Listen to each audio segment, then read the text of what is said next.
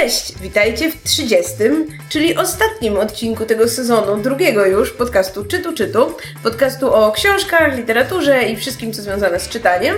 I witamy Was w naszym tradycyjnym trzyosobowym składzie. Od lewej Megu z kanału Katus Gikus. O, mam włos w wodzie. Wspaniale. Jak zwykle koci. To samo białko, sama miłość. Inaczej by mi nie O. smakowało. O, już wiem, nie, nie wyjęłam. Dobrze, Megu wyjmuje włos, ja jestem Ocia, a koło mnie? Kasia z bloga Zwierz Popkulturalnych. Jej, wspaniale. No więc... To zabrzmiało jak ostry dis, nie wiem czy Nie, też po prostu ja się ucieszyłam, że Kasia pamięta skąd jest. To, to nie był A dis ja na, zawsze na mam problem, zawsze jest taka, taka pauza i Ocia po prostu wie, że ja mam z tym problem. Tak, ja, ja doceniłam. Czyli to nie było takie jej, awesome, wow! To nie było to. Nie, to nie było Okej. to. Proszę wyłączyć swojego wewnętrznego króla Jerzego. I przechodzimy do fenomenalnego odcinka, w którym Kasia opowie o takiej książce, o której nie możemy się po prostu doczekać, żeby opowiedziała, bo na okładce jest dwóch, dwóch panów. Półnagich. Tak, w Jeden takiej jest niedwuznacznej ubrany. sytuacji. Jeden jest zniewolony, ma łańcuch. A, i... po, a poza tym z całego towarzystwa, tylko ja byłam na japonistyce, to ja wiem co to znaczy. Dobrze, więc rzeczywiście ja może, ja może przyjmę, przy, przejdę do omówienia e, książki, którą przeczytałam i chciałabym od razu e, na wstępie podziękować Jatta Centrum Popkultury, ponieważ to oni mi ją podarowali, tą książkę i wydawnictwo Studio JG, które e, tą książkę chyba im podarowało, żeby oni mi ją podarowali. Studio JG, czy to jest Studio JG? Nie wiem. Natomiast jest to książka C.S. Packard, chyba tak to się czyta, Zniewolony książę. Jest to pierwszy tom trylogii Zniewolony książę. Ogólnie zacznę od tego, jak ta książka wygląda, bo to jest bardzo zabawna rzecz. Otóż ta książka wyszła w Polsce e, z taką bardzo, powiedziałabym, okładką, która nie mówi, co będzie w środku. Okładka mnie osobiście troszeczkę, troszeczkę przypomina te wydania Gry o Tron, na której, które wyszły tylko z jakimś godłem któregoś z domów. E, Tutaj mamy taki złoty łańcuch, błękitną taką marmurkową okładkę. Ten łańcuch to tak jakby trochę w kształt korony ma być ułożony, Trochę tak. nie? I do tego jest, e, powiedziałabym, taka obwoluta i ta obwoluta już mówi bardziej dokładnie, co zobaczymy w książce i właśnie na niej jest dwóch panów. Jeden jest śniady i, i zakuty w kajdany, a drugi jest e, taki blady i, I nie zakuty w błękitno-włosy i odziany Duże. w te w piękne i błękitne szaty i to są bohaterowie naszej książki i zasadniczo rzecz biorąc ta okładka streszcza nam trzy czwarte tej książki. Otóż A wiesz czemu jest podwójna? Żeby Ordo Luris ich nie pozwało. E, Otóż naszym głównym bohaterem jest książę Damen, który był e, księciem w Akiero, Akielos? Akielos, ja naprawdę, to są... E, ale jego zły brat przejął rządy, zabił jego ojca, nie, pośmierci jego ojca i oddał go w niewolę, ale jakby nie powiedział, że oddaje swojego brata w niewolę, tylko oddał go jako anonimowego niewolnika w niewolę i został on niewolnikiem księcia Laurenta w e, konkurencyjnym, jakby w konkurencyjnym królestwie Wery. No i tam są Takie, to takie biblijne bardzo, nie? trochę No nie? tak. Różnice, różnice kulturowe są dosyć duże między oboma królestwami. Królestwo, z którego pochodzi nasz główny bohater, jest takie mniej rozwiązłe, e, bardziej takie nastawione na wojnę.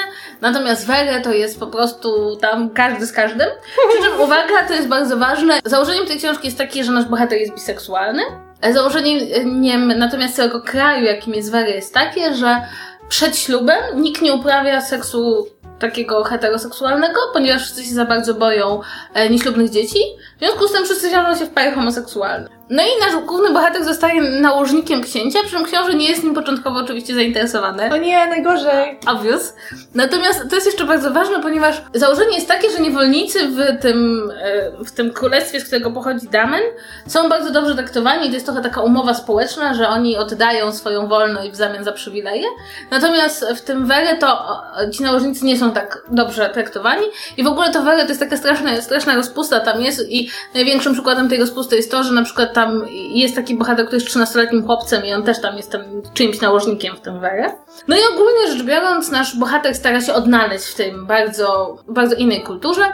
No i szybko orientuje się, że sytuacja na dworze wygląda tak, że jest y, ten książę Laurent, który jest taki po prostu taką królową śniegu i prawda, jest zawsze pozawiązywany pod szyję. Czyli on nie jest I rozwiązły. on nie jest absolutnie rozwiązły. Bo ma zawiązany kubraczek. I Jest, I on jest w ciągłym sporze z, z- ze swoim wujem, który jest regentem. I jest rozwiązły na pewno. Nie, regent jest taki żaden, prawdę powiedziawszy, przez pewien czas. Jest jakiś sprawiedliwy bardziej. Natomiast jakby tutaj, żeby dodać do tego dramatyzmu, to Damen e, wiele lat wcześniej, w czasie bitwy wielkiej pomiędzy tymi dwoma królestwami, zabił brata Laurenta.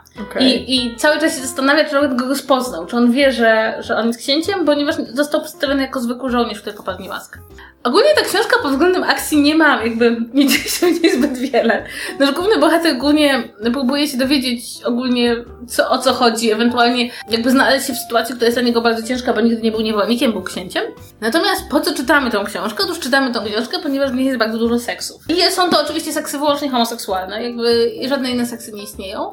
I oczywiście one są wszystkie realizowane z pozycji, że ktoś jest zniewolony, a ktoś jest Ktoś jest posiadaczem niewolników. I tutaj jakby są, albo jest seks, albo jest przemoc. To znaczy, a czasem jest seks and przemoc. Znaczy jak w każdym dobrym ja ojcu, prawdziwa miłość zaczyna się od tego, że ktoś kogoś gwałci. Tak, więc jest bardzo dużo gwałtów. Przy czym to jest bardzo ciekawe, bo przez trzy czwarte tej książki Laurent w ogóle nie jest zainteresowany gwałceniem głównego bohatera. Inni są zainteresowani bardzo. A, czy- czyli co, Laur, Laurent i główny bohater dopiero na końcu się schodzą? Znaczy, bo to jest bardzo skomplikowane. Ja, ja nie chcę, ja nie chcę spoilerować. Aha, Nie chcę Ach, bo tam na pewno są ogromne emocje są- twisty. Emocje są tutaj skomplikowane. Natomiast jedną rzeczą, która jest bardzo ważna, to musimy zrobić, zrozumieć od razu, że e, książę Laurent jest piękny. Ale jest niesamowicie piękny. Jest, Aha. jest, jest, jest po prostu niesamowicie, ma gładką, jasną, białą skórę i ma te takie blond włosy. I Ale czekaj, czekaj, czekaj, ale on o tym nie wie. Znaczy, nie, Bo nie ma lustra. Bo nie ma lustra i nie może rano przed zejściem na śniadanie wybierać sobie cały Ale garderoby. chciałabym powiedzieć, że o garderobie księcia Laurenta też jest bardzo dużo. I o, i o Czyli jest jak wykuty z marmuru. Jest jak wykuty z marmuru, oczywiście, że jest jak wykuty z marmuru. Jest niesłychanie piękny i jakby wydaje się e, oczywiście bohaterowi początkowo taki miękki i taki może trochę zniewieściały, ale potem jak nasz bohater oczywiście widzi go nago, no to rozumie, że to jest tylko taki, taki pozór, ponieważ jest to książka, w której jest scena, w której nasz bohater myje drugiego bohatera w łaźni. I myjąc go w łaźni orientuje się, jak, jak, jak cudowną istotą jest mężczyzna, którego myje. I jakby to jest niesamowite, bo nawet kiedy nasz bohater nienawidzi całego serca tego Laurenta, to nie zapomina w każdym jakby możliwym akapicie swoich przemyśleń przypomnieć nam o tym, jak piękny jest Laurent. Ale czy nasz główny bohater też jest piękny? Oczywiście, że tak. Oczywiście, nasz główny bohater jest taki duży. To jest jakby... Jest takim misiem. Jest taki, nie, nie, nie, nie, on jest umięśniony, on jest twardy. Jest umięśnionym misiem. Jest, I ma, takie oliwko, ma taką oliwkową skórę i jest w ogóle też bardzo taki. Inni, inni, inni oni są tacy gładcy, tacy miękcy, a on jest tacy, wiesz, taki, on był żołnierzem. Z dzikiego kraju. Ma Włosy włosy na nazywają go barbarzyńcą. Mm. Nie, chyba nie ma, ta, ta, ta, ogólnie ludzie są bardzo słabo włosieni w tej książce. No i słuchajcie, i powiem wam szczerze, że czytanie tej książki jest em, co najmniej wyzwaniem. Znaczy, nie, to jest, to, komplikacja z tą książką jest taka, że ją się czyta, no, wyłącznie dla zabawy. No, nie, nie można tego czytać poważnie. Widać, że jakby world building ogranicza się do wymieniania kolejnych dziwnie zapisanych nazw kolejnych miejsc i do takich dosyć klasycznych konfliktów polegających na tym, że ktoś komuś kiedyś zabił brata i czy ktoś jest zniewolony i chce się wydostać, czy jest jakiś konflikt, czy jakieś tam przetasowanie na dworze. Tutaj naprawdę, jeśli chodzi o wielkie plot twisty, to nie ma na co czekać. No a w centrum samym jest, prawda, to uczucie, związek, emocje i, i wszystko, co z tego wynika. No i oczywiście mnóstwo seksów. No i jednak to jest takie, że człowiek kwestionuje, czy to aby na pewno jest dobry pomysł publikować książki, w których właśnie ta sytuacja, prawda, zniewolenia i gwałtu jest pokazana w jakiejś takiej dosyć, powiedziałabym, otoczce na zasadzie... Romantycznej. Oni są tylko o, o chwilę od tego, żeby się w sobie zakochać, przy czym Ale czekaj, bo ja, ja, ja, ja, muszę, ja muszę uściślić, bo ja wiem jak, wiem, jak to jest w Wie Ojcach, ale czy rzeczywiście tutaj y, autorka, która nie jest Azjatką, bo ona nie jest Azjatką, czy jest Mhm. Azjatką? No jest właśnie. Australijką. Czyli australijska autorka rzeczywiście pokazuje w swojej książce gwałt jako coś pozytywnego, jako idealny początek do, do wielkiej Znaczy nie, miłości. to nie jest tak, że gwałt jest idealnym początkiem do wielkiej miłości, ale niewątpliwie przemoc, erotyczna fascynacja i ta taka nierówność, yy, ta osoba posiadająca władzę została poddana, jest tutaj rozgrywana w takim bardzo romantycznym kontekście, Mhm. prawda? To znaczy nasz bohater, obmywając pięknego swojego, ale okrutnego, który dotychczas go tylko pobił i zlecił, żeby go zgwałcił, bo sam go nie gwałcił. Przepraszam, trochę umieram w środku, moja dusza I żeby tego, i żeby i tego okrutnego właśnie swojego księcia obmywano, to jakby jak go obmywano, to się podnieca, prawda? Bo, bo to on jest taki piękny i tam tyle jest. I tak czytam w tej na zasadzie takie, serio? Czy na przykład, no dla mnie, dla mnie dosyć problematyczne jest to, że tam jest postać tego 13-letniego nałożnika, który się pojawia i z jednej strony... O, pedofilia, Nasz, nasz bohater ma takie na zasadzie, o mój Boże, oni są tam, takimi barbarzyńcami, tolerują tą pedofilię, ale z drugiej strony jakby sama ta postać jest napisana jako wysoce antypatyczna tego chłopaka i nasz bohater jest przerażony tym, że oni tam mają to, to dziecko, a z drugiej strony sama książka jakby troszeczkę próbuje tym jego przerażeniem załatwić sprawę, że traktuje tą postać tak samo jak inną i że inni bohaterowie odnoszą się do tego na zasadzie, okej, no tak, takie są zwyczaje, prawda, w naszym kraju, no, o, co, o co wam chodzi? I ja mam z tym, ja mam z tym problem. I ogólnie rzecz biorąc, to, to, jest, to jest taki typowy przykład książki, którą czytasz i myślisz sobie, ta Czemu ja książka jest robię? złożona z samych problematycznych wątków, a z drugiej strony nie, nie mam najmniejszej wątpliwości, że jest mnóstwo dziewczyn, które tą książkę polubią i chłopaków też, ale podejrzewam, że więcej jednak mimo wszystko dziewczyn. I myślę, że to jest takie po prostu takie bardzo soft, soft porno dla, dla nastolatek, które mają takie skrzywienie, prawda, że... że Czytają miałeś... że Przepraszam, czytają- że się tak śmieję, ale dla mnie to nigdy nie było do końca. E, I Zrozumiałe. jakby, i no, ja mam mnóstwo problemów z tą książką. Najpiękniejsza w tej książce jest ilustracja na okładce. O tak, zdecydowanie. I E, na tyle mi wystarczy I kontakt chciałabym tylko dziełem. powiedzieć, że uważam e, osobiście, że nawet jeśli mam olbrzymie zastrzeżenia co do samej książki, to bardzo chciałabym pogratulować wydawnictwu, że zdecydowało się dać taką okładkę, nie udawać co jest w środku i dać okładkę, no jak my jesteśmy w Polsce, tak? Dać okładkę, na której dwóch facetów się prawie całuje, to To jest ale jednak... jednak w powszechnej sprzedaży ta okładka nie jest dostępna, prawda? Ale jednak, no, nie, jest, można sobie kupić. To nie jest tak, że ja dostałam jakąś specjalną okładkę. Można kupić książkę z tą okładką. Ale w księgarniach jest tą drugą. Wiesz co, nie wiem, no wiem, że na pewno, na pewno widziałam, że na przykład na targach książki sprzedawali z tą okładką, Aha, no Wiem, chyba, że że- tak. e, więc można kupić sobie z tą okładką, jakby to, i, i uważam, że byłoby nawet fajnie, gdyby cała seria być może wyszła z takimi fanartowymi okładkami, Ja- jak już wydajemy Czy to jajca- jest w ogóle. Kto to narysował? Czy to jakaś polska autorka Nie, narysowała? nie, wydaje mi się, że to jest... To jest jakiś pseudonim. Podejrzewam, że to może być fanart na przykład do tej książki, który został jakby podniesiony do, do tej rangi. Wydaje mi się, że jeszcze jedna rzecz w tym przypadku tej książki i to jest taka, która mnie osobiście jakby tak bardzo zaniepokoiła, jest to, że próbowałam sobie wyobrazić tą książkę, gdyby na przykład to nie był główny bohater, tylko główna bohaterka. I Która byłaby zniewolona. tak, i, i wtedy ta książka byłaby takim odzorowaniem tych wszystkich najgorszych, najgorszych możliwych stereotypów, jakie znamy. No Tutaj mam wrażenie, że w, w pewnej percepcji Czekaj, to, wtedy to byłabyś piąta królewna Unrise. Myślę, że, że w pewnym stopniu tą percepcję łagodzi fakt, że jest tu mężczyzna i że te, i że, prawda, on tutaj jest niby fizycznie silniejszy od tego, który go zniewala. Nie będę ukrywać, że ja jednak nie, nie, nie zostanę fanką tego typu literatury. I trochę mnie martwi, bo ja nie mam nic przeciwko takiemu, znaczy, jakby nie mam nic przeciwko jakimś takim fantazjom, gdzie co chwilę jest jakiś seks czy coś takiego. To się miło czyta, prawda, zwłaszcza w tramwaju, jak się wraca z pracy. Ale czy musimy do tego dodawać taki dosyć, powiedziałabym, szkodliwy element takiej nierównowagi sił i możliwości? E, już wydaje mi się, że powinniśmy powoli z tego wyrosnąć. Książka miała trzy tomy i, i, i, i, i z tego co wiem, cieszyły się one popularnością. To w ogóle w oryginale wy, wydał y, Penguin Publishing Group, czyli taka, Wow. tak, takie poważne wydawnictwo, powiedzmy. Tak. Bo to jest dosyć ciekawe, bo to jest jakby książka z, z bardzo konkretnego nurtu i z bardzo konkretnego rodzaju książek, które wydaje mi się nie wychodzą do szerszej publiki. Tam- Dla mnie ewidentnie to to jest yaoi w formie książki, Mhm. tylko w takiej, nie wiem, bardziej przestępnej formie i dosyć, dosyć, dosyć, dosyć grubej, jak na te wszystkie yaoi. Ale się tylko strasznie szybko to się czyta, bo to tam nie ma dużo treści na stronie. tak? Przepraszam, Ja, ja szukam jakichś, jakichś e, momentów. Tam jest taki moment, słuchajcie, bo ta, ta książka ma takie momenty, wiecie, e, będzie spoiler i będę opisywała momenty seksualne w książce, więc nie śmiejcie Dajesz. się.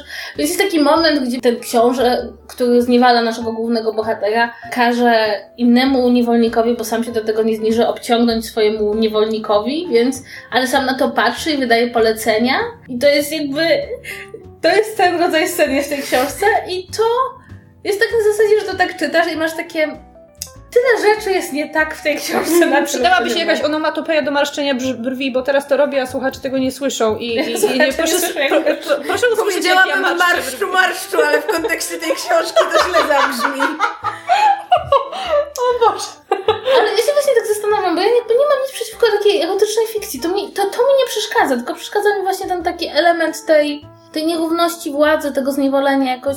Ja wiem, że to jest taka fantazja dosyć powszechna. A jak to jest w ogóle napisane od strony językowej? W sensie właśnie, czy te opisy są takie mega metaforyczne, takie bardzo żenujące, takie na etapie Barnabo. harlek- harlekin, czy jak to jest napisane? te sceny są takie. Nie, one są takie bardzo łagodne. Nie, nie przesadzajmy. To znaczy, oczywiście, jak sobie wyobrazisz, jaką scenę one próbują opisać. Nie, metaforyczne właśnie nie. Raczej dużo zostawiają Mm. w domyśle, urywają w pewnych momentach. No, jednak język pozwala na bardzo duże tam operowanie tym, co, co, co się opisuje. Nie są jakieś takie, że wiesz, człowiek by się czerwienił. Właśnie też ja podejrzewam, że e, przeciętny czytel, czy czytelniczka tej książki to nie jest osoba jakoś bardzo dorosła, chociaż są to sceny, no, któ- które byśmy nazwali dla dorosłych. Natomiast na pewno nie są jakimiś popisami umiejętności. E, natomiast ja miałam cały czas takie wrażenie, jakby ktoś, ja wiem, że to głupio, głupio zabrzmi, przepraszam was bardzo, obejrzał takie wybrane sceny z greckiej pornografii, po czym postanowił je opisać, ale tak, żeby nie opisać wszystkiego. No jest tam trochę, jest tam trochę takich scen, które są opisane już tak metaforycznie, że to wiesz, na zasadzie... Grota rozkoszy. W tym momencie, nie no, są otwory ciała, o tak, to się ładnie O, nazywa. Otwory ciała. Tak, e, bo to Okej. też jest bardzo śmieszne, bo czasem masz wrażenie, jakby, Jak ktoś, ucho. jakby ktoś trzymał kamerę na bohaterach, po czym chce coś zepnąć, a cię tak spokojnie od, odwracał na Na pijankę. firalkę. tak. Więc jakby i tam są te sceny i tam jest dużo jakby też, trochę jest takiego grubszego języka co pewien czas, ale nie za, nie, nie za wiele.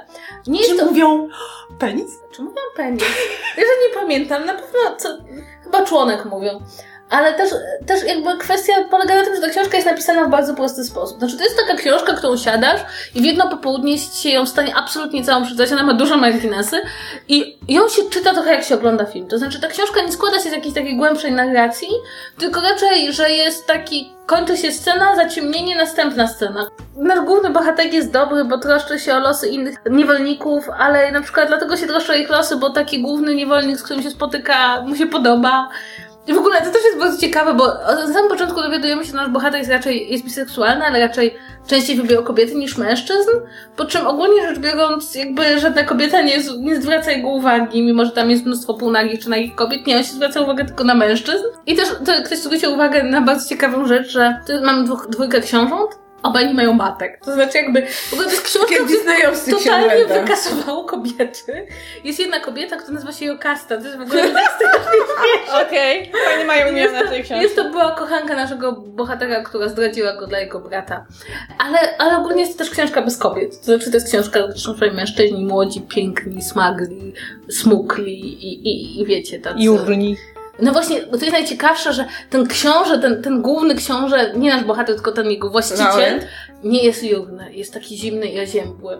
No bo wiesz, potrzebny jest ktoś, kto rozbudzi dopiero w nim No ten ogień tak. pożądania. Nie no tam, więc ogólnie rzecz biorąc, ja wam coś powiem szczerze, ja się nie bawiłam bardzo źle czytając tą książkę, ale jednocześnie miałam z tyłu głowy takie, Jezus Maria. Okej, to robimy wszystkie trzy marszczu, marszczu. Mężczu, mężczu. Tak, i przechodzimy do innej książki o gwałtach. Jezus Maria. I chciałam właśnie, chciałam tego uniknąć. Chciałam to ująć delikatniej, bo to nie jest tak, że myśmy sobie to zaplanowały, że Kasia przeczyta y, książkowego ja ojca o męskich gwałtach, a ja potem przejdę do poważnego reportażu na temat gwałtów i to nie jest tak, więc, więc y, nie oceniajcie nas. To jest zupełny przypadek. Ja w ogóle wolałabym, żeby Ocia teraz opowiedziała o swojej książce, no ale już trudno, przeszliśmy do mnie, to opowiem. Um, i, i, jak teraz zmienić ten rejestr? Więc tak, e, u ciebie nie ma książąt. U mnie nie ma, u mnie nie ma książąt. Dobrze, więc yy, yy, haha, dawno nie było wydawnictwa czarne w tym podcaście. Tym razem sięgnęłam po reportaż, który już wydali parę tygodni temu pod tytułem Misula gwałty w amerykańskim miasteczku uniwersyteckim, którego autorem jest John Krakauer. Ja nie wiem, czy słyszałyście kiedyś o panu y, Johnie Krakauerze? Tak, oczywiście, wystąpił że w tak. Everestie. No właśnie, to To jest, to jest ciekawe, ciekawostkę. Tak, bo ja, ja go tam poznałam tak naprawdę i dopiero się zainteresowałam, kim on jest. I... A ja go znam, właśnie ja go zna, znałam z tego reportażu z całej tej historii, więc jakby... Ponieważ pan John Krakauer napisał taką bar bardzo znaną książkę e, pod tytułem Wszystko za Everest, na której później oparto scenariusz filmu Everest z 2015 roku, w którym on się pojawia jako postać i Tak. gra go ten sam aktor, który gra Daga w House of Cards. On e, w międzyczasie napisał też później reportaż o amerykańskich mormonach, osadzając całą akcję tej książki wokół ich fanatyzmu, który w jednym przypadku skończył się morderstwem kobiety i, e, i, jej, i jej dziecka, czy, czy, czy dzieci. Tę książkę też czytałam i też jest bardzo dobrym reportażem, tylko teraz wybaczcie mi, nie pamiętam jak ona się, jak ona się nazywała. Ostatnia książka pana Krakauera została napisana po tym, jak właśnie w miasteczku Missoula, który jest dosyć e, znanym, niestety w tym momencie z, znanym ze złych rzeczy miastec- miasteczkiem uniwersyteckim, zaczęły na jaw wypływać serie spraw w których mężczyźni związani z miejscową drużyną futbolu amerykańskiego po prostu coraz częściej byli oskarżani o napaści na tle seksualnym i o gwałty. I to jest reportaż, który relacjonuje przebieg kilku, e, kilku, takich, e, kilku takich spraw. I on jest napisany w bardzo w bardzo ciekawy sposób, nietypowy dla reportażu. To znaczy, to nie jest taka, to nie, to nie są takie szpalty sztywnej narracji, tylko to jest reportaż, który przyjmuje formę takiego fabularyzowanego opowiadania. Tam są dialogi, które są oparte na e, zeznaniach w sądzie, oparte na taśmach nagranych w czasie przesłuchań różnych świadków. Główna sprawa, która tak jakby jest motywem przewodnim całej tej książki, to to jest sprawa dziewczyny, która bodajże nazywa się Alison, tylko oni tutaj oczywiście musieli zmienić wszystkie personalia bohaterek, która została zgwałcona przez e, chłopaka, którego uważała za swojego bardzo dobrego przyjaciela z dzieciństwa, z którym się znała całe życie. I później jeden opis tej jednej, tej jednej sytuacji, która akurat tutaj kończy się sprawiedliwie, ponieważ ona e, zostaje poprowadzona e, przed, przed sądem i sprawca zostaje ukarany, ale z tej jednej sprawy rozrasta się cała sieć innych sytuacji, w której dziewczyny zostały zgwałcone albo przez swoich znajomych, albo ludzi, o których słyszały, albo przez komple- kompletnych nieznajomych. Jest historia dziewczyny, która stała się ofiarą e, zb- zbiorowego gwałtu przeprowadzonego właśnie przez e, zawodników tej e, drużyny futbolu amerykańskiego. Jest historia dziewczyny, która została zgwałcona przez chłopaka, która, którego poznała tej, tej samej nocy i jej, później niestety jej historia kończy się w, w, w sądzie, nie odnosi, nie, nie odnosi skutku, czy e, sprawca nie zostaje na koniec ukarany, tak to, tak, tak to ujmijmy. I po prostu John Krakauer pisze o tej jednej głów- głównej sprawie, a w, a, w międzyczasie pokazuje, jak to wyglądało w różnych analogicznych sytuacjach i przeprowadził wywiady z mnóstwem osób, z tymi wszystkimi dziewczynami, e, czasami również z tymi, e, z, z, tymi facetami, którzy dopuścili się tych okropnych czynów. I jego celem jest przedstawienie tego, jak później wygląda sprawa przeprowadzania procesu w, w, w sprawie gwałtu. Jak, jakie to jest stresujące dla ofiar, jakie to jest stresujące dla rodzin i jak okropnie i uwłaczająco to wygląda ze strony prokuratury i obrońców, co oni tym ofiarom robią, żeby je zdyskredytować w oczach ławy przysięgłych. Pytanie, bo mówisz, że właśnie no, rozmawia też z niektórymi sprawcami, ale jakby tak, w jakim tonie są te rozmowy? Ci ludzie się jakoś usprawiedliwiają, czy akceptują to, co zrobili? Jak, jakby, jak to To znaczy, wygląda? to są dwie różne, tam są y, dwie różne główne sprawy i on bodajże rozmawiał z chłopakiem, który... Sprawa wyjściowa zaczyna się od tego, że on się przyznaje do tego, że on to Mhm. zrobił. Okej. Tylko później walczą o, łagodniejszy wyrok dla niego, więc y, z tego co pamiętam, to właśnie y, rozmowa była przeprowadzana z bohaterem tej, jedne, tej jednej sprawy, kiedy od początku było wiadomo, że on dopuścił się czegoś złego. Mhm.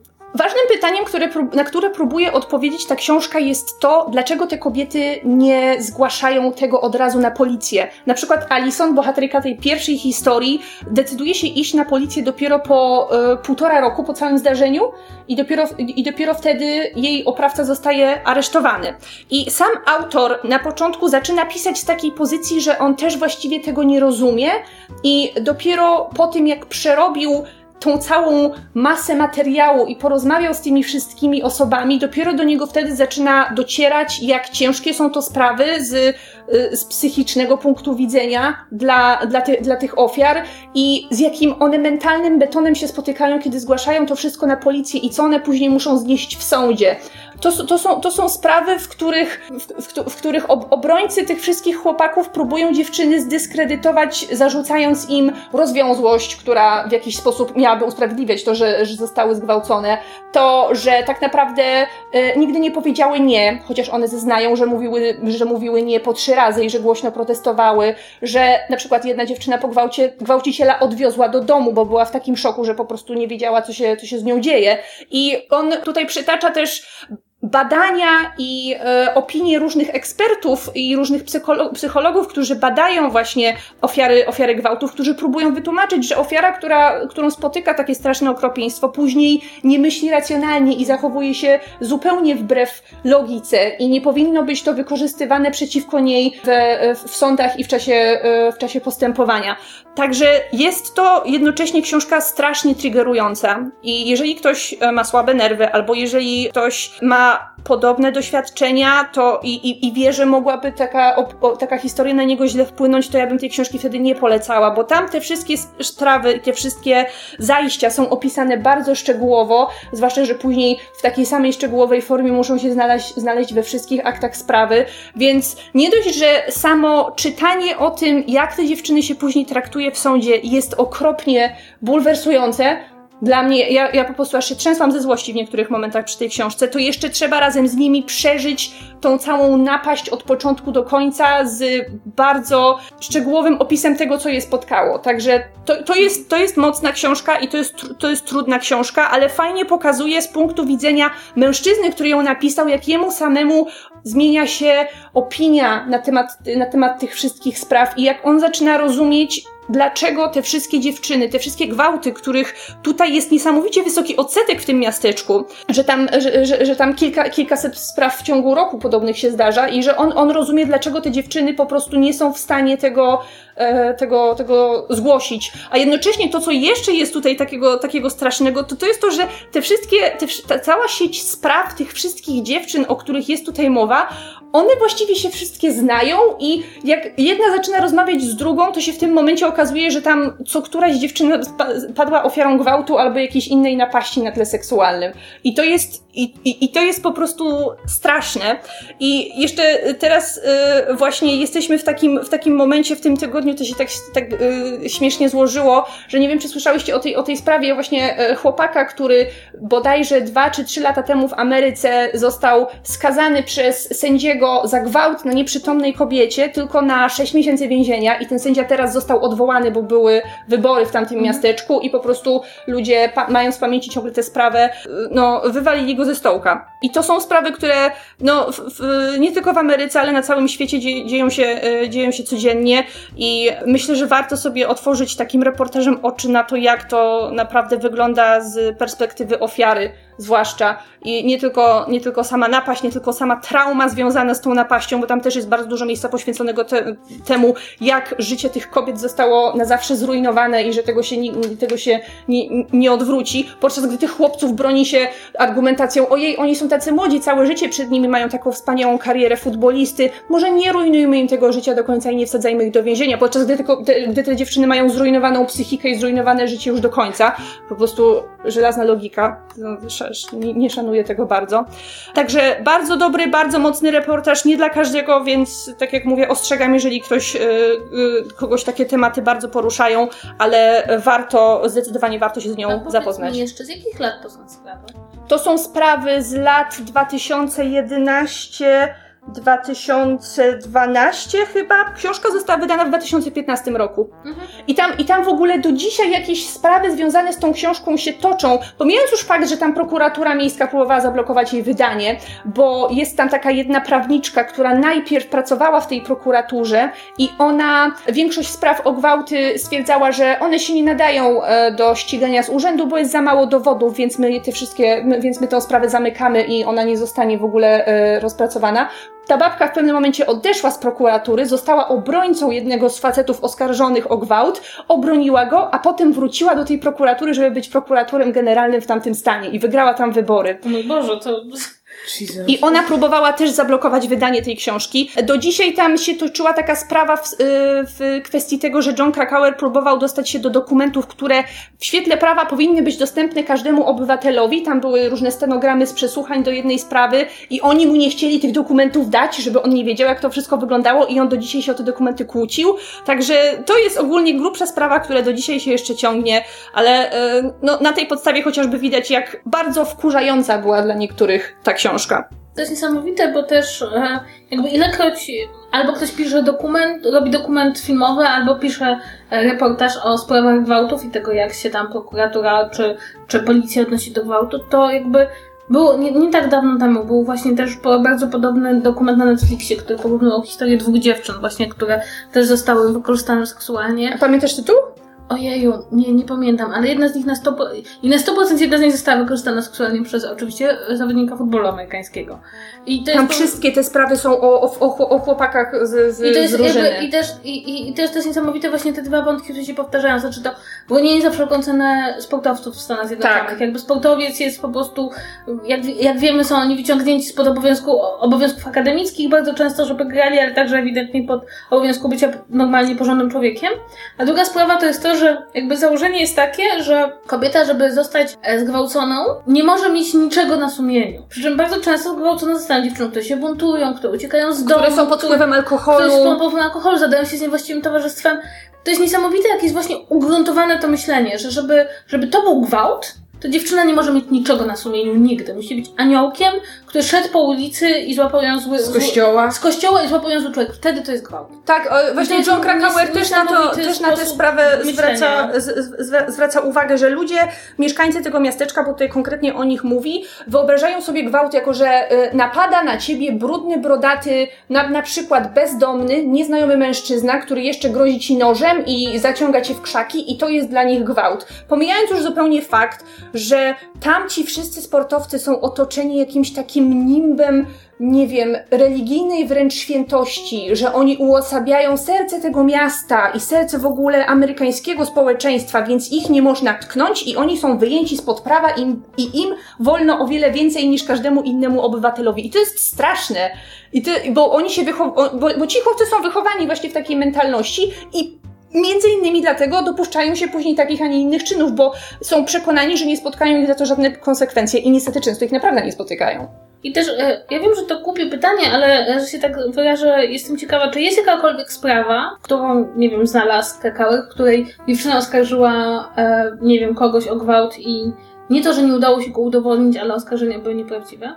W tej książce nie. On się nie zajmuje takimi sprawami tutaj. Nie, bo wiesz, zadaję to pytanie, bo to jest jedna jakby rzecz, którą dobrze taka książka może pokazać, prawda, że bardzo rzadko się zdarzają nieprawdziwe oskarżenia, dużo On też tutaj, on też tutaj o tym mówi. które nie zostają nigdy ukarane. Tak, on też tutaj o tym mówi, jak niewielki jest odsetek oskarżeń o gwałty, które e, okazują się być bezzasadne. To jest poniżej, poniżej 10%. Przypadki niezwykle rzadkie dotyczące kobiet, które zazwyczaj mają jakieś problemy psychiczne albo są na, na bakier z prawem. I on też tutaj o tym mówi. I on nie zajmuje się żadnym takim przypadkiem. No bo jednak, bo przypadki gwałtów, do których naprawdę doszło, są tak, dochodzą do tak miażdżących liczb, że trudno znaleźć taki, który, który by do tego nie pasował. Mhm. Nie, to znaczy ja, ja się tak pytam, że się tak wyrażę wyprzedzająco. sobie, rozumiem. e, Mhm. O, o, o głosach krytycznych, że się tak wyrażę. Rozumiem, rozumiem. To, o, Ociu, powiedz nam coś bardziej optymistycznego. Opowiedz nam coś, co nie jest o gwałtem. To jest taki prosty wymóg. W mojej książce nie było ani jednego gwałtu. Hurra! A, brawo. Przeczytałam antologię opowiadań pod tytułem Inne Światy. To jest premierowa pozycja, ona się ukazała na tegoroczne targi książki, wydana przez wydawnictwo Sine Qua Non, które podesłało mi egzemplarz do recenzji, tak więc dziękuję. I to jest taka spora cegła w twardej oprawie na takim dosyć grubym, sztywnym papierze, której myślą, tematem przewodnim są opowiadania zainspirowane obrazami, grafikami Jakuba Różalskiego. Czyli jeżeli ktoś nie wie, polscy chłopi y, na pierwszym planie, a z tyłu łażą Mechy. wielkie mechy. Tak, to jest w ogóle ciekawy moment na wydanie tej książki, ponieważ nie wiem, czy słyszałyście, ostatnio nasiliły się pewne kontrowersje związane właśnie z twórczością Różalskiego, mianowicie na Reddicie jest taki dosyć głośny wątek oskarżenia go o plagiat, O! e, a konkretnie o, o to, że jego prace są pewnego rodzaju kolażami. Nigdy to nie było tajemnicą, że on brał jakieś tam, nie wiem, zdjęcia, czy inne jakieś yy, rysunki koncepcyjne, czy obrazy, gdzie na przykład, nie wiem, właśnie chłopi pracowali w polu i on sobie na to patrzył, rysował to sobie i wtedy rysował sobie mechy. A tymczasem okazało się, że spora część jego prac jest rysowana na czyichś pracach. Najprawdopodobniej. Na których już byli chłopi i mechy? Tak, w sensie, że są dokładnie identyczne, są jakby kalkowane, czy, O. czy to jest tak zwany tracing po angielsku, że po prostu brał jakieś zdjęcie, robił sobie taką sklejkę, kolaż i na przykład, nie wiem, przerabiał wilka na tygrysa, czy odwrotnie, czy przerabiał żołnierza na tam innego żołnierza, jakiego potrzebował, czy, czy po prostu jest ten sam chłop nawet, tylko kolorki są trochę zmienione i generalnie A nawet na tych ten... wyjściowych były też mechy? Nie, nie, nie, jakby sensie on mechy są łączył spo- różne rzeczy, Łączył tak? różne grafiki, dokładnie. Z tego obrazu wziął psa, z tego obrazu wziął chłopa, z tego obrazu wziął konia, skleił to sobie i narysował na tym, żeby to wszystko miało w miarę spójny styl. Okej, ale ca- sam koncept dodawania mechów na taką sielską polską wieś, to on wymyślił. To jest Tak. jego pomysł. To jest jego pomysł. No tylko, że właśnie jest teraz ta pewna aura kontrowersji wokół jego prac. Tam wypowiada się też między innymi wydawca gry, przy której on teraz pracuje, bo to też dotyczy koncept artów do tej gry. I jakby generalnie ja tu nie chcę zabierać głosu, bo ja ani się na obrazach do tego stopnia nie znam, ani ta sprawa nie jest jeszcze jednoznacznie rozstrzygnięta, ale no jest teraz powiedzmy ten ciekawy moment, kiedy właśnie Różalski jest bardzo pod lupą i, i no wytyka mu się różne rzeczy, zwłaszcza w tych środowiskach powiedzmy niepolskich, jakby właśnie pol, polskie środowiska bardzo go bronią i uważają, że wszystko jest w porządku, zagraniczne środowiska no uważają, że tak się nie robi, nawet jeśli to są tylko koncept arty, no to, że nigdy nie powinno się malować na czyichś pracach, więc generalnie no jest tu ciekawa sprawa. Ale ja nie o tym, bo tak naprawdę, no powiedzmy, Różalski jest tak naprawdę dodatkiem do tej książki, to znaczy tak, w tym wydaniu znajdują się przedruki niektórych jego prac, takie całe i jakieś na przykład zbliżenia na jakieś konkretne fragmenty, ale najważniejsze są opowiadania, mamy ich 10, przy czym dwie trzecie tej publikacji liczącej ponad 600 stron to jest 9 tekstów, a ostatnia jedna trzecia, czyli 200 stron, to jest mikropowieść Jacka Dukaja. Oczywiście kazali mu napisać opowiadanie. Tak, więc Jacek Dukaj zrobił co mógł, żeby się streścić i napisać e, bardzo krótki tekst. Ile napisał? 120 stron? I napisał 200 stron.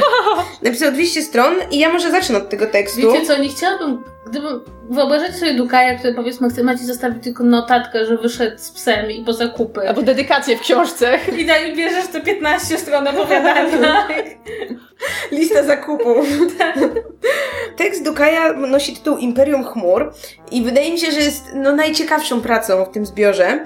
Jest połączeniem kilku bardzo jakby tak różnych estetyk. Akcja dzieje się w Japonii przełomu XIX i XX wieku z zarządów cesarza Mitsuhito. Mam nadzieję, że tu się czyta w miarę tak. Nie, tak się czyta. I to jest tak zwana epoka światłych rządów, kiedy Japonia otwiera się na zachód. W powieści Dukaja przyjeżdżają do Japonii inżynierowie właśnie z Europy i to jest między innymi inżynier Ochocki z Lalki, który O, y, otwiera w Japonii fabrykę, Dlaczego nas to nie dziwi?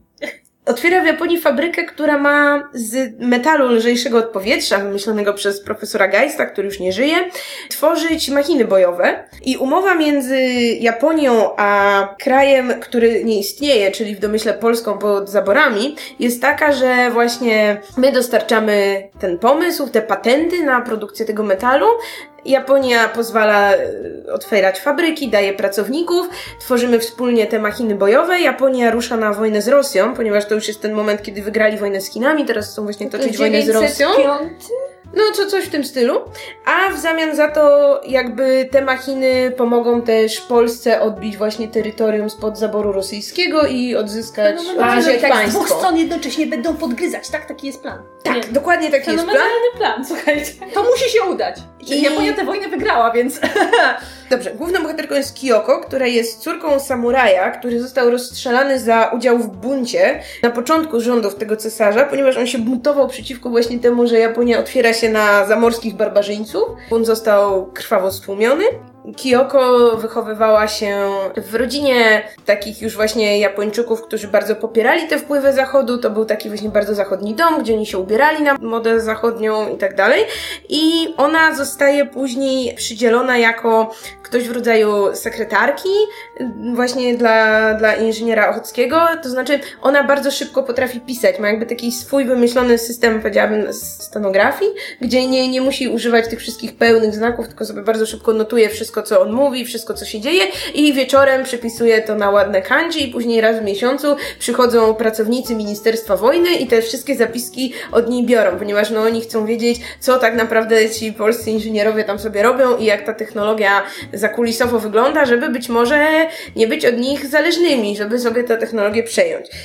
I w tej powieści jest taki trochę, jest właśnie wątek takiej myśli naukowej, jest wątek języka i tego, jak język potrafi właśnie naukę zapisywać.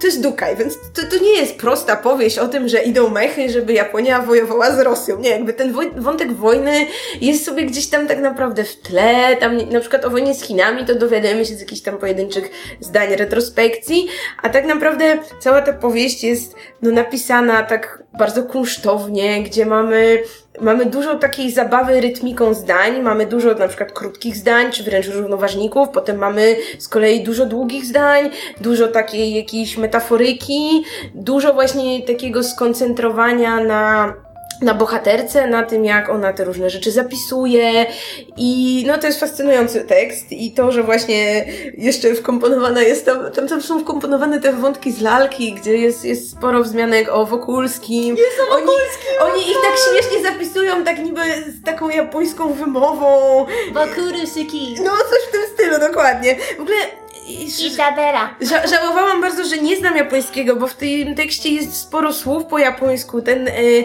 ten, ten właśnie metal lżejszy od powietrza jest y, nazywany po japońsku. Tam w, w, tekście też pojawiają się zapisy kanji, kiedy chyba kanji, nie wiem, jakimś alfabetem japońskim, gdzie, gdzie między rozdziałami są jakby takie, takie przerwniki i to chyba coś wszystko znaczy, no bo to jest dukaj, więc to na pewno coś znaczy. Ja bym chętnie sprawdziła, czy zapisał to wszystko poprawnie.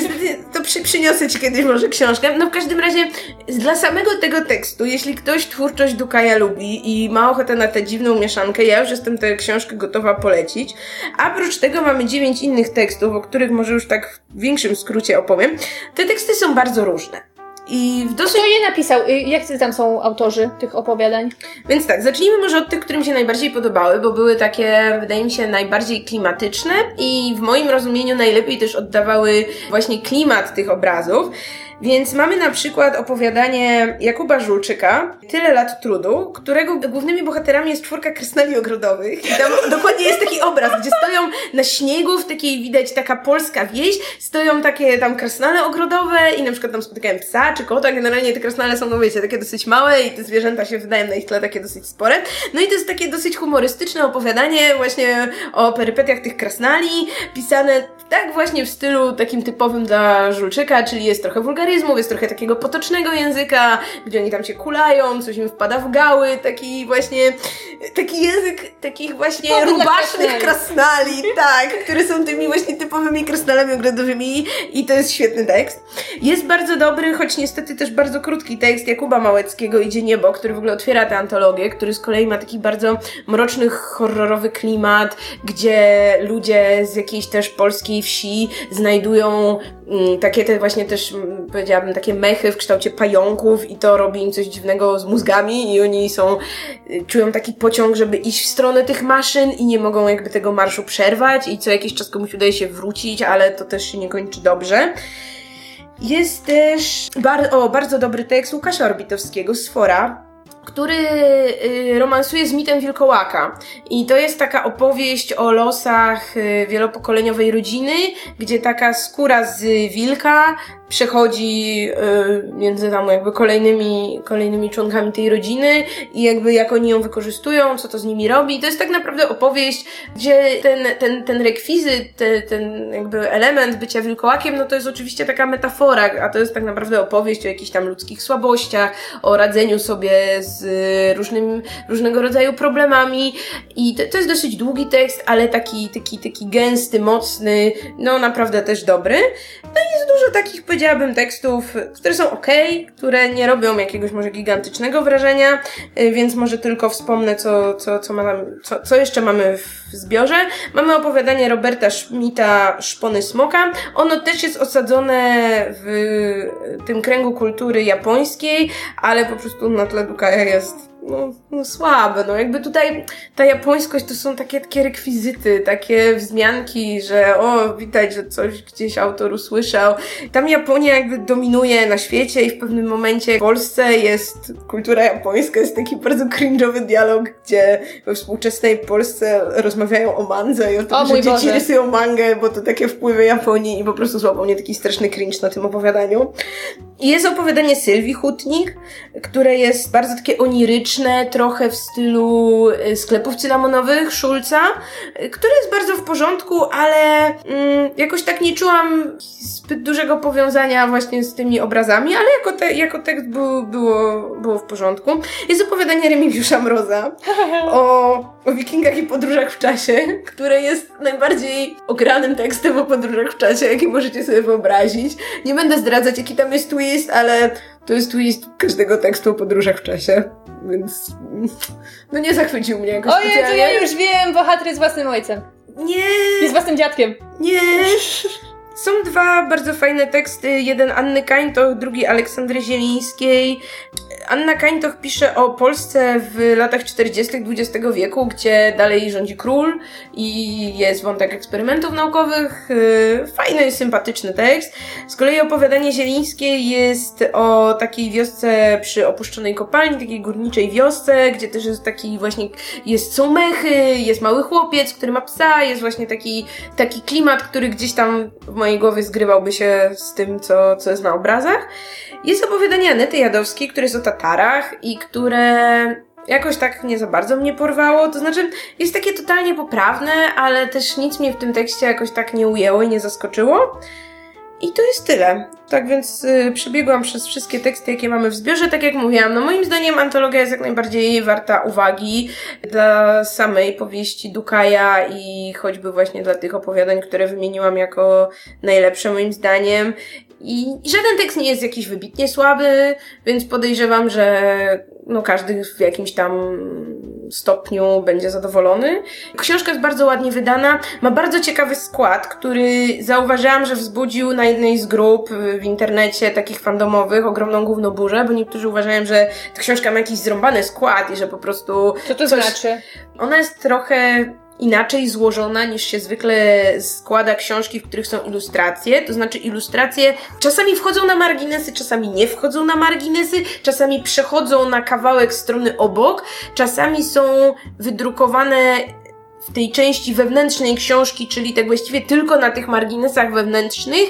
I jako, że to jest dosyć nietypowe, to niektórym ludziom przelatuje to nad głową i uważają, że to jest kurczę, nie wiem, błąd w druku albo, że komuś się myszka omskła w InDesignie, jak projektował tę książkę, a moim zdaniem to ma ręce i nogi i No, jest spójne, jakby Zwłaszcza w przypadku książki, w której teksty są oparte o ilustracje, w związku z tym Tak. powinna być taka płynność między temami. A to są ilustracje Różalskiego? Tak, wszystko to są prace Różalskiego, no i skomponowane to jest tak, że jeśli, nie wiem, tekst jest o krasnalach, to mamy na, mamy te obrazy z krasnalami, jak tekst jest o wilkołakach, mamy obrazy z wilkołakami, jak tekst jest o Tatarach, to czytam o Rosjanach i tak dalej, czy o Japonii, to mamy dokładnie też te elementy na przykład określonych kultur na tych obrazach, więc pod tym względem z mojej strony zero zarzutów i mnie się skład tej książki naprawdę Ja jestem w ogóle bardzo zadowolona, że w ogóle w Polsce wyszła antologia fajnych, dobrych autorów, gdzie tam się kojarzy więcej niż jedno Mhm, nazwisko. tak.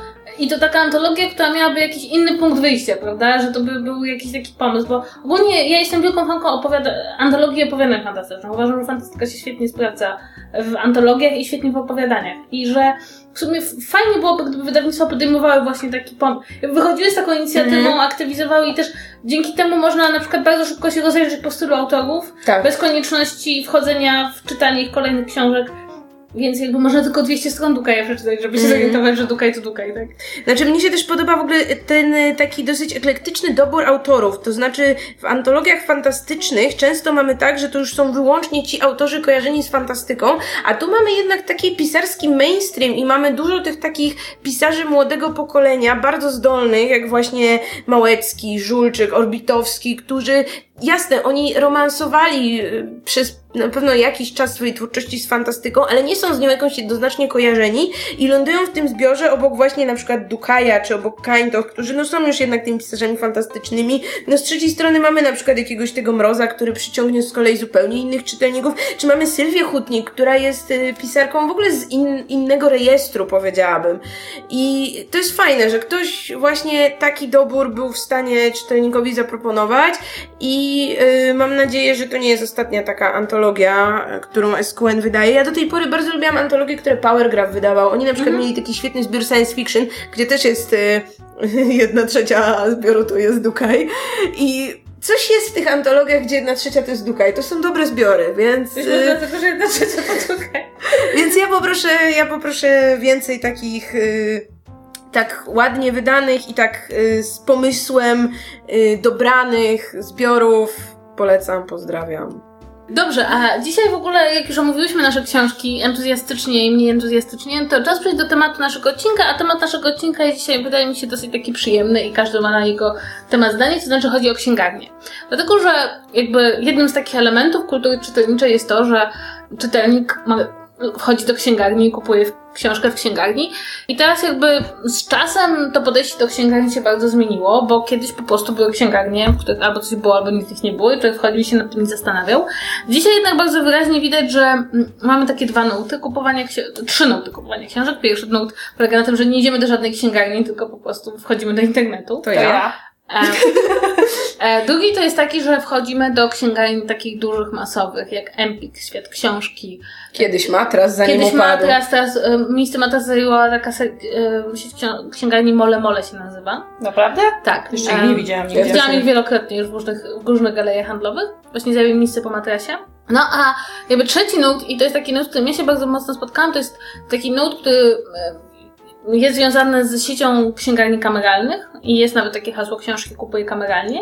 I to jest nut, który wspiera te takie małe, prowadzone z pasją księgarnie, jakby z, wychodzące, wychodzące z założenia, że księgarnia nie jest po prostu sklepem i nie chodzi tylko o to, żeby po prostu dostać niej produkt, tylko o to, żeby to, tą księgarnię prowadzić w sposób taki bardziej przemyślany, żeby ona była w jakimś centrum, kultu- była jakimś centrum kulturalnym, żeby prowadzili ją księgarze, ludzie, którzy wiedzą, co jest na półkach, a nie ludzie, którzy akurat pracują przed świętami w Empiku, ponieważ wszyscy kupują prezenty na święta.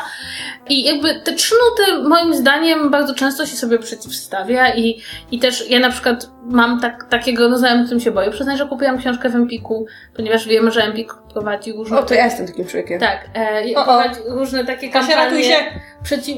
Kasia, które są, tak, koniec mojej uczestnictwa w podcastie.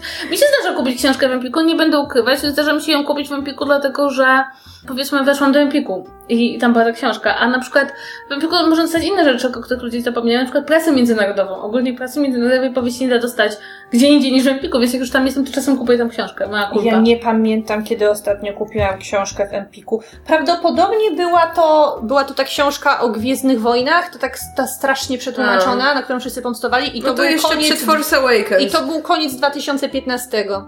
Ja przyznam szczerze, że y, ja nie kupuję książek w Empiku z dwóch powodów. To znaczy, oczywiście jest ten szczytny ideologiczny powód, typu Empik nie płaci na czas wydawnictwom, wydawnictwa bankrutują przez Empik, czy ostatnio przez Matras miały też ogromne problemy, no bo tam jest, tam jest y, kwestia tych umów, gdzie te sieci księgarni, które są takimi e, monopolistami na rynku, potrafią przez, nie wiem, 3 czy 6 miesięcy przetrzymywać płatności i no niestety wydawnictwa jako te biznesy, którym nie idzie szczególnie łatwo, mają potem często problemy z płynnością finansową, ale już abstrahując od tych takich powiedzmy idealistycznych y, powodów, no to Empik najczęściej sprzedaje książki w cenach okładkowych, a księgarnie internetowe, w których kupuję, sprzedają z założenia książki z rabatem w dniu premiery w okolicach 30-35%. Ale to też jest Więc przyznam szczerze, że musiałabym po prostu mieć za dużo pieniędzy, żeby kupować książki w Empiku. A przy A okazji ja nie oni widzę mają- zupełnie sensu, a no bo to jest ta sama książka. A przy okazji oni mają strasznie ograniczony repertuar tych książek. Oni tam mają książki, których wydawcy wiedzą, że muszą dodatkowo zapłacić Empikowi, żeby je wystawiał w ogóle na półkach. I mnóstwo takich mniejszych wydawnictw, wydawnictw naukowych, wydawnictw, nie wiem, związanych z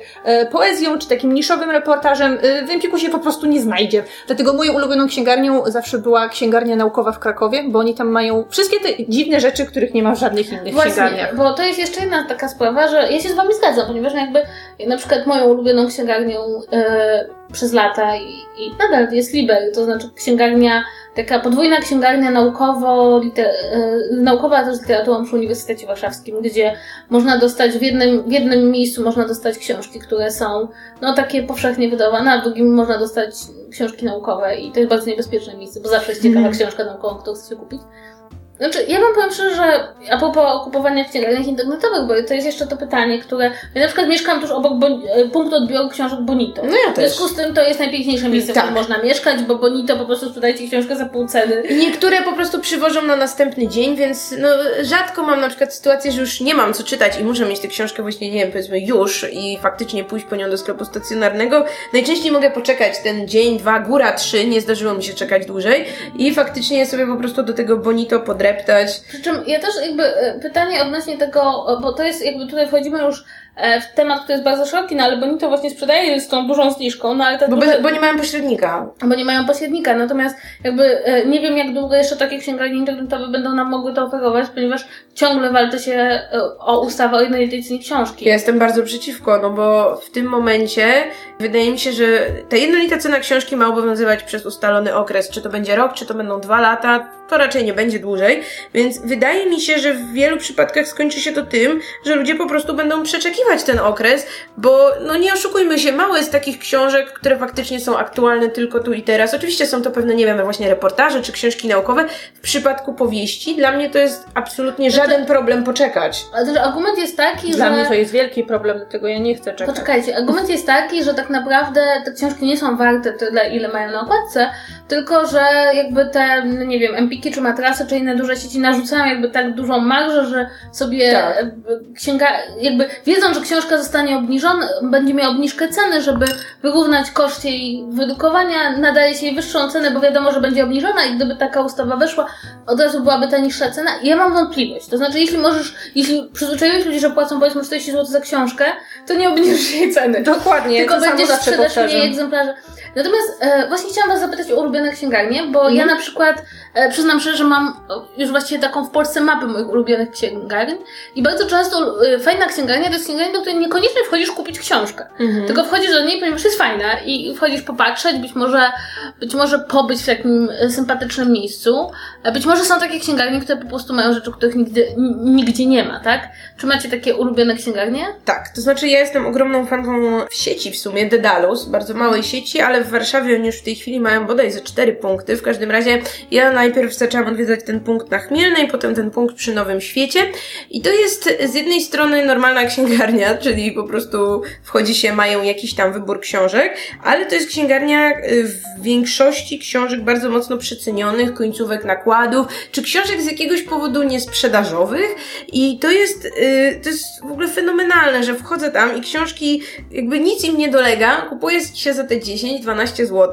To są często książki wydane nie to, że 20 lat temu, tylko rok, dwa lata temu po prostu z jakichś przyczyn nie schodziły i leżą sobie te biedactwa w tym dedalusie. I ja zawsze mam, zawsze, bo po jak tam wchodzę, to wychodzę z siatą co najmniej, nie wiem, 10 pozycji. I mam takie poczucie, że ratuję te książki, bo nikt już ich nie chce, że one by poszły na jakiś przemiał, a tu słuchajcie, nie wiem, za 10 zł kupuję sobie, dajmy na to, ostatnio były te nowe wydania y, Steinbecka, które Pruszyński wydaje, albo mm, jest takie wydawnictwo MG, które wznawia powieści autorów XIX-wiecznych i często wydaje pierwszy raz w ogóle polskich przykładów. Na przykład oni ostatnio wydają Wilkiego Collinsa, więc mam ze cztery książki. Są, wiecie, twarde oprawy i tak dalej, jak książka kosztuje 14 zł. Zwłaszcza, że ostatnio Wilkie Collins jak wychodził w Polsce, bo to chyba go Amber wydawał i to są tak paskudne wydania. Po prostu Mm. ja, ja pamiętam Księżycowy Kamień mam w tak Mm. paskudnym wydaniu, nie jestem w stanie na niego patrzeć. I tam, tam są jakby wszystkie przekroje tematyczne. Są książki, nie wiem, historyczne, są też reportaże od Czarnego,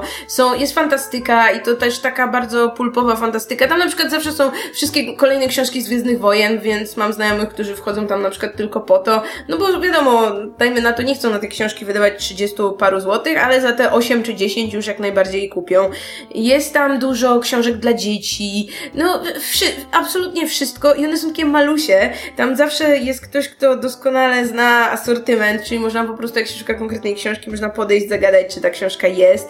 Można sobie w tych książkach tak grzebać i szukać egzemplarzy, które są nieuszkodzone, to to ja. I, i z jednej strony no właśnie tam jest tak ciasno, więc jak stoją więcej niż dwie osoby w jednej alejce, to po prostu przepchanie się jest no nie, niezbyt proste, ale dla mnie mają swój klimat i mają fajny ten element, że właśnie zawsze znajdę tam coś, czego niekoniecznie szukałam. Znajdę tam jakieś książki, które przegapiłam po prostu jak wyszły, bo ja bardzo dużo książek kupuję na bieżąco, a tam właśnie zawsze znajdę jakieś te perełki, których nie kupiłam w momencie jak wyszły, a tu są i są tanio, więc no to jest w ogóle raj, polecam, jeśli macie jakiegoś Dedalusa. Oni są w kilku większych miastach, na pewno są w Krakowie, na pewno są we Wrocławiu, więc polecam. No. A tak jak ja już przed chwilą wspomniałam, to moja ulubiona księgarnia to była, to była księgarnia naukowa w Krakowie, zaraz e, obok Teatru Bagatela. E, I no, siłą rzeczy nie chodzę już do tej księgarni, bo nie mieszkam w Krakowie, ale kiedy jeszcze tam studiowałam, to to było dla mnie strasznie niebezpieczne miejsce, bo to był jeszcze ten okres, kiedy porowałam na spontaniczne kupowanie książek. Teraz już nie, teraz już dojrzałam i teraz wiem, co chcę przeczytać i mam listę tego, co sobie kupię w ciągu następnych miesięcy. A tam po prostu wchodziłam i zachwycona będąc tak bardzo tą różnicą, jeżeli chodzi o repertuar pomiędzy tą księgarnią a Empikiem, potrafiłam tam wpaść i po prostu, nie wiem, wyjść z jakimś naręczem literatury lewicowej albo filozoficznej, albo, albo coś. Oni tam mieli, świetny dział e, taki społeczno-historyczny, w którym e, wykopałam taką świetną, maleńką książeczkę na temat wojny secesyjnej w, w Ameryce. Ja wtedy byłam, wiecie, zachwycona, przeminęło z wiatrem, histo- historia Stanów Zjednoczonych, historia wojny secesyjnej, więc strasznie mi się to podobało. Albo jakieś, e, nie wiem, jakieś eseje Kołakowskiego. I tam, dopiero tam na przykład poznałam wydawnictwo Czarna, Czarna Owca, bo w Empiku wtedy nie można było ich za bardzo dostać, więc wiecie, tak sobie przeglądałam.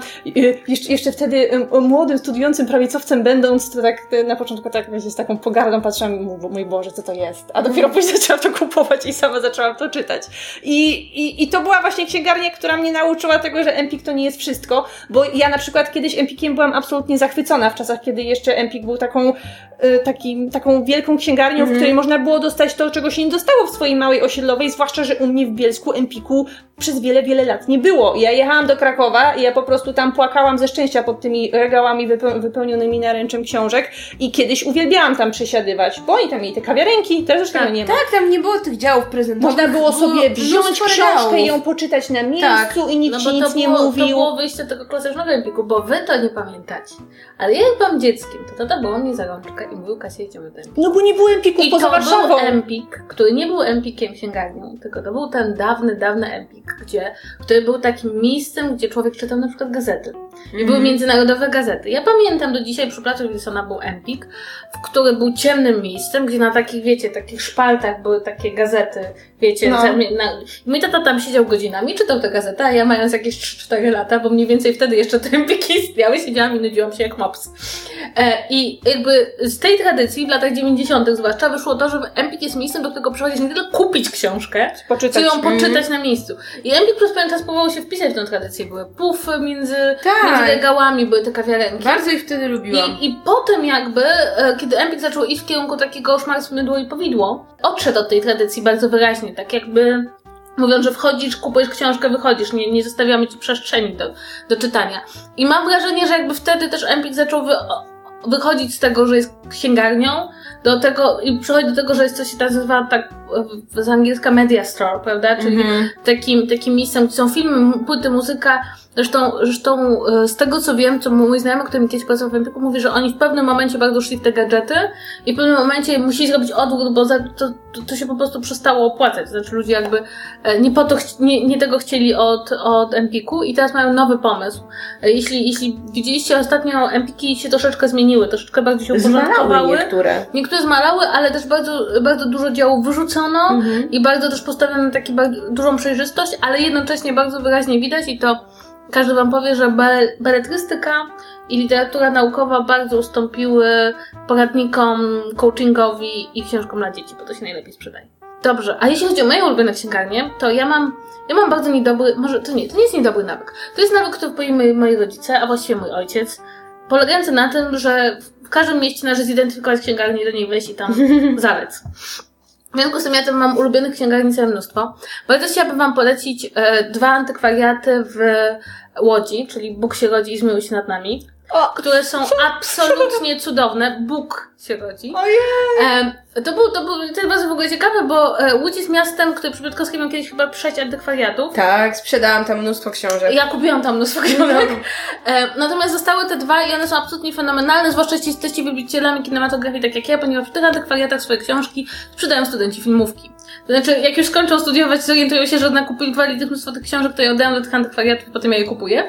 I zresztą też w Łodzi bardzo, bardzo polecam księgarnię w, e, w szkole filmowej, gdzie są wydawnictwa szkoły filmowej, które jest bardzo trudno dostać gdziekolwiek indziej, bo można wejść na stronę internetową i próbować kupić wszystko, co mają, ale to jest bardzo niebezpieczne, bo wtedy próbujesz kupić absolutnie wszystko, co mają e, i orientujesz się, że nie masz tyle pieniędzy i zaczynasz płakać, więc lepiej tam przejść To osobiście. dlatego ty tak ciągle jeździsz do Łodzi, na Tak, książki. Ja na książki jeżdżę do Łodzi.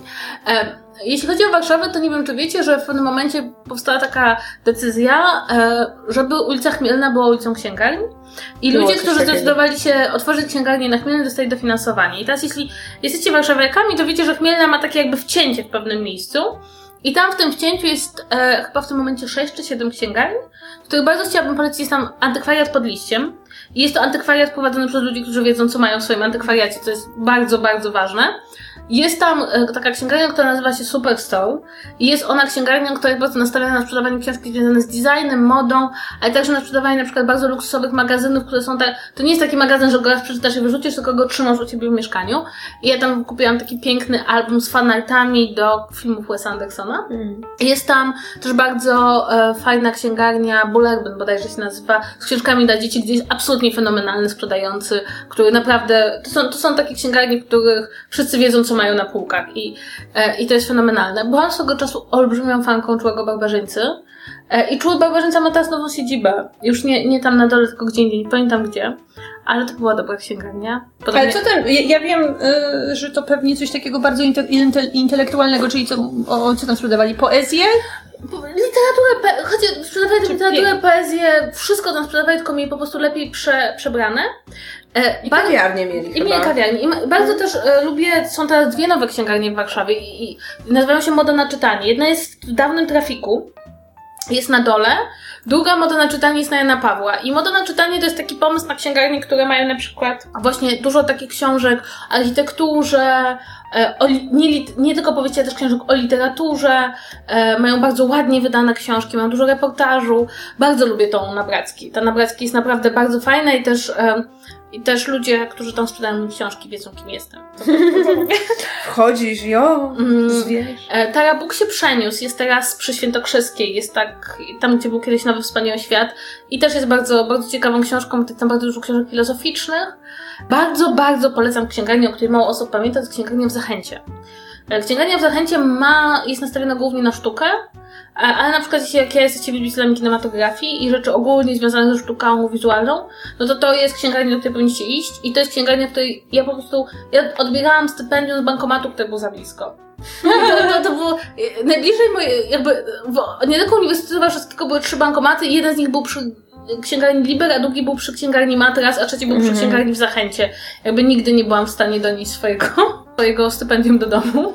Jeszcze chciałabym powiedzieć, że ja mam taki nieutulony żal po tym, jak zniknęło American Bookstore, bo Ja to też. było miejsce, tak jak zawsze, po, odkąd już jakby narodził się ten, powiedzmy, y, handel w internecie, no to takie książki wydane po polsku zawsze zamawiałam przez internet, to książki po angielsku bardzo długo kupowałam właśnie tylko tam, tylko stacjonarnie, bo po prostu w internecie nie było na niej żadnych lepszych cen i w American Bookstore zawsze był naprawdę duży wybór, była i taka aktualna beletrystyka, i trochę jakiejś klasyki, i też jakaś tam, nie wiem, było dużo słowników, było dużo jakiejś takiej literatury o języku i mam z, z czasów studiów po prostu, mam mnóstwo książek, które tam kupiłam i było mi bardzo smutno, jak wyszli z Polski. Tak, ja też jestem bardzo zasmucona, zwłaszcza, że ja tam kupiłam bardzo dużo dziwnych książek brytyjskich aktorów i komików, Mhm. które się potem okazały dla mnie bardzo A ważne. czy to była sieciówka? Bo ja Tak, pamiętam, to że była tak, to była sieciówka. coś Ona takiego przy- było w Krakowie też, w Mm. Galerii Oni Krakowskiej. się Tak, tak, tak. Natomiast jeśli e, szukacie dobrej anglojęzycznej księgarni, no to trzeba tutaj powiedzieć o jak Wam się to podoba.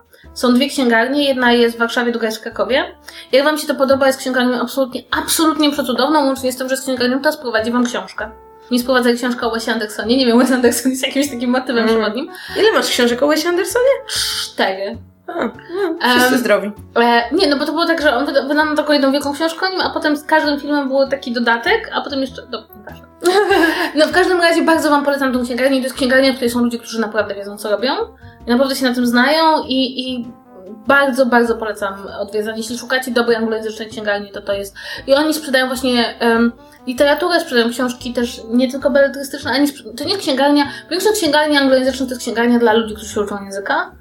A to jest raczej dla ludzi, którzy chcą kupować książki po angielsku, więc bardzo polecam. Jest też w Krakowie. Um, I to w sumie niedaleko księgarni naukowej, więc można sobie zrobić No. taki, No mm, taki rajd. Natomiast ja zawsze jak, e, właśnie chciałam wam powiedzieć, że wyszła taka książeczka, nazywa się Rezerwaty Książek. I Rezerwaty Książek to, są, to jest taka książeczka, która zawiera zdjęcia, ale także rozmowy z księgarzami z księgarni z całej Polski, które są właśnie takie wyjątkowe i kameralne. Nie tylko z, z Warszawy, ale Warszawa jest tutaj na drugim planie. Na pierwszym planie są mniejsze miejscowości. Jest cała taka mapa e, tych księgarni i muszę wam powiedzieć, że jak tylko to przeczytałam, to od razu miałam taką pierwszą myśl, że tak jak mam taką w głowie, taką wielką mapę naj, najsławniejszych księgarni świata, które chciałabym odwiedzić i jest to lista, która, na której jest chyba bodajże 30 czy 40 księgarni, ja byłam w trzech, więc jest, jest nieźle. E, to właśnie też pomyślałam sobie, że te rezerwaty książek robią fenomenalną listę taką bardziej osiągalną polską, takich niezwykłych księgarni, które no, są czymś więcej niż tylko sklepa, sklepem z książkami.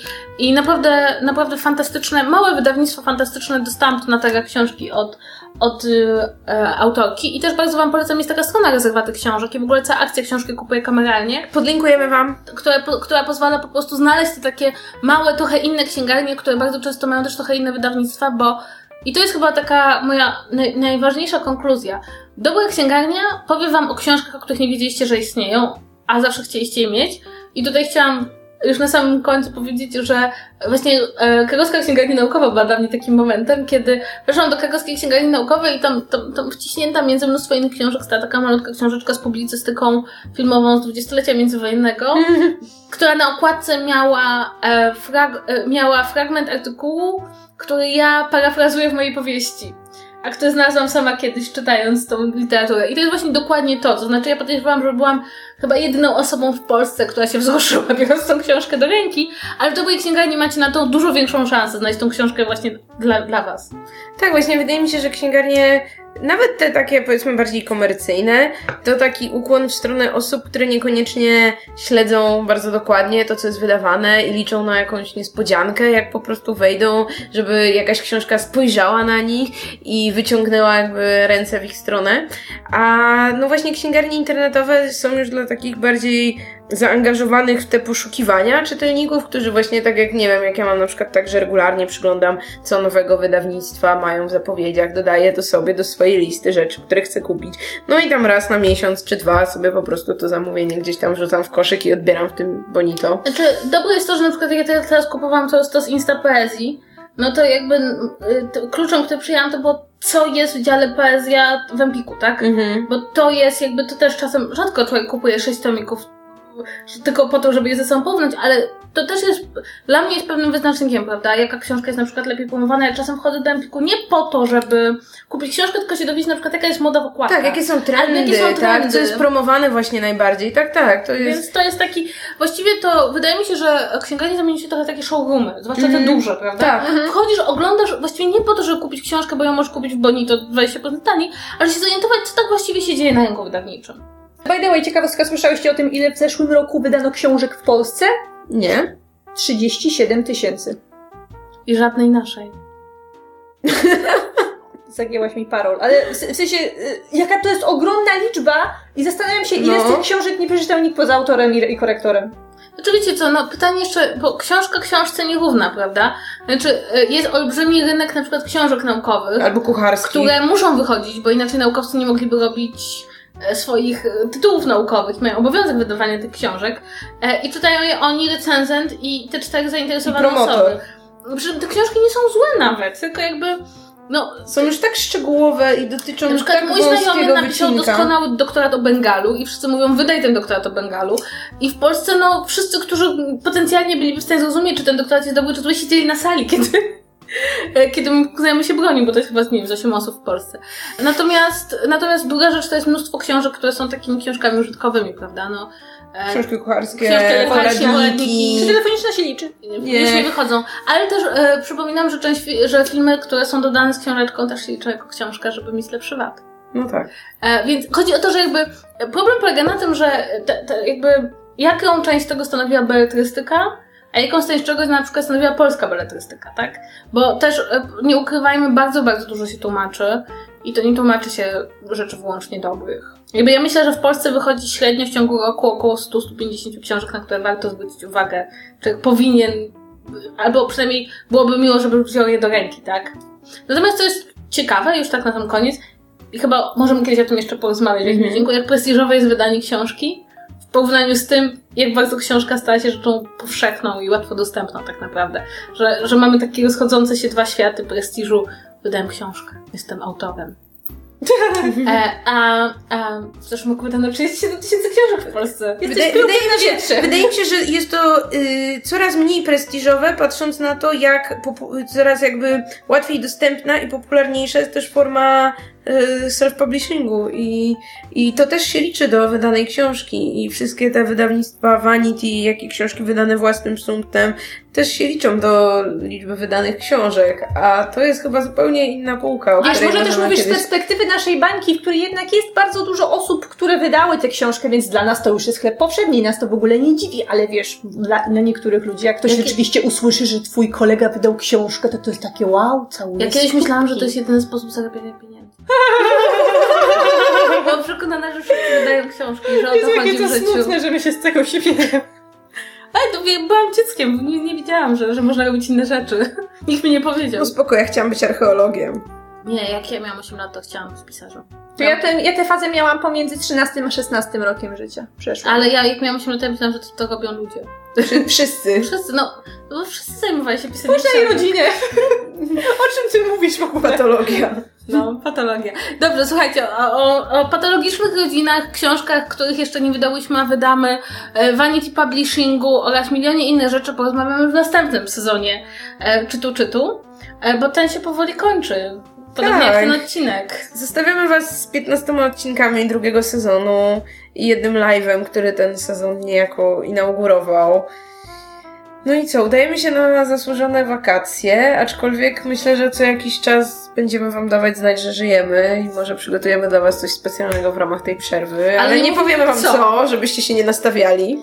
I żebyśmy mogły z tego zrezygnować, jak nam się nie będzie chciało. Tak, ale jest spora szansa, że usłyszycie nas i później usłyszycie trzeci sezon. Także, a, ale w takim razie zastanówcie się w tej, w tej przerwie, e, o czym byście chcieli posłuchać. I Możecie pisać nam listy. No właśnie. Nam wakacji, co przeczytaliście na wakacjach? Możecie nam napisać. Pożyczymy wam przy okazji mnóstwo fajnych książek na plaży, tak? Tak, Tak. I, ale naprawdę chcemy posłuchać o tym, o czym chcielibyście wy posłuchać, dlatego że czeka nas cały sezon, kolejny 15 odcinków i musimy wymyślić tematy. Więc jeśli chcecie nam coś zasugerować, to nastawiamy naszych uszu przynajmniej przez tą, przez tą przerwę i oddajemy się lekturze. Tak, teraz nareszcie możemy czytać te wszystkie żenujące książki, których wstyd byłoby nam opowiadać na antenie Tak. tego podcastu. Chciałabym tylko zwrócić uwagę, że ja opowiadam o zniewolonym księciu. Kaści się nie udało. Nie udało. Bardzo chciała, ale Ja sorry. zaczęłam za Kasia nie, ma, Kasia nie ma barier i oporów. Ja teraz mogę iść czytać jakieś żenujące rzeczy, o których bym e, wstyd mi by było opowiadać. Tak, dobrze. I e, możecie do nas pisać na adres Czytu, czytu małpa podsłuchane.pl i możecie polubić nas fanpage. I mo- fanpage podsłuchane, ponieważ w czasie, kiedy czytu, czytu ma przerwę i Zombie vs. Zwierz ma przerwę, jest szansa, że inaugurujemy inny podcast, który miał teraz taki trochę etap zawieszenia, ale chcemy z nim wrócić i myślę, że to będzie dobry moment. No anime. Ten o teatrze i o musicalach. Ale zróbmy podcast Nie, nie, jest, nie, słuchajcie, jest szansa, że wróci nasz podcast o grach. Może jak powiem o tym głośno, to ktoś się tym przejmie. Gorące krzesła w Bo teraz zmienionej się już nie formule możecie wycofać, i co ze ty zmienionym zrobiłaś! składem, więc myślę, że to będzie ten moment, kiedy on wróci. Paweł, mam nadzieję, że tego słuchasz. Wracajmy z krzesłami. Wracajmy z krzesłami. Dobrze. Dobrze, jedno do Dobrze, i um, życzymy Wam dużo masła i wesołych wakacji. O, dużo masła! Dużo masła i dużo słońca. Smarujcie nim książki na plaży. Smarujcie się masłem, żeby nie mieć oparzeń słonecznych. I żebyście się ładnie maślanie opalili. Tak. Okej, musimy skończyć. E, I do zobaczenia w następnym sezonie. No. Cześć! Pa, pa, pa, pa, pa, pa, pa, pa. Pa, pa, pa. Pa, pa, pa, pa, pa, pa, pa, pa. To będą bloopers. Może nie niespodziewanie zaatakują słuchaczy. Pom, pom, pom, pom.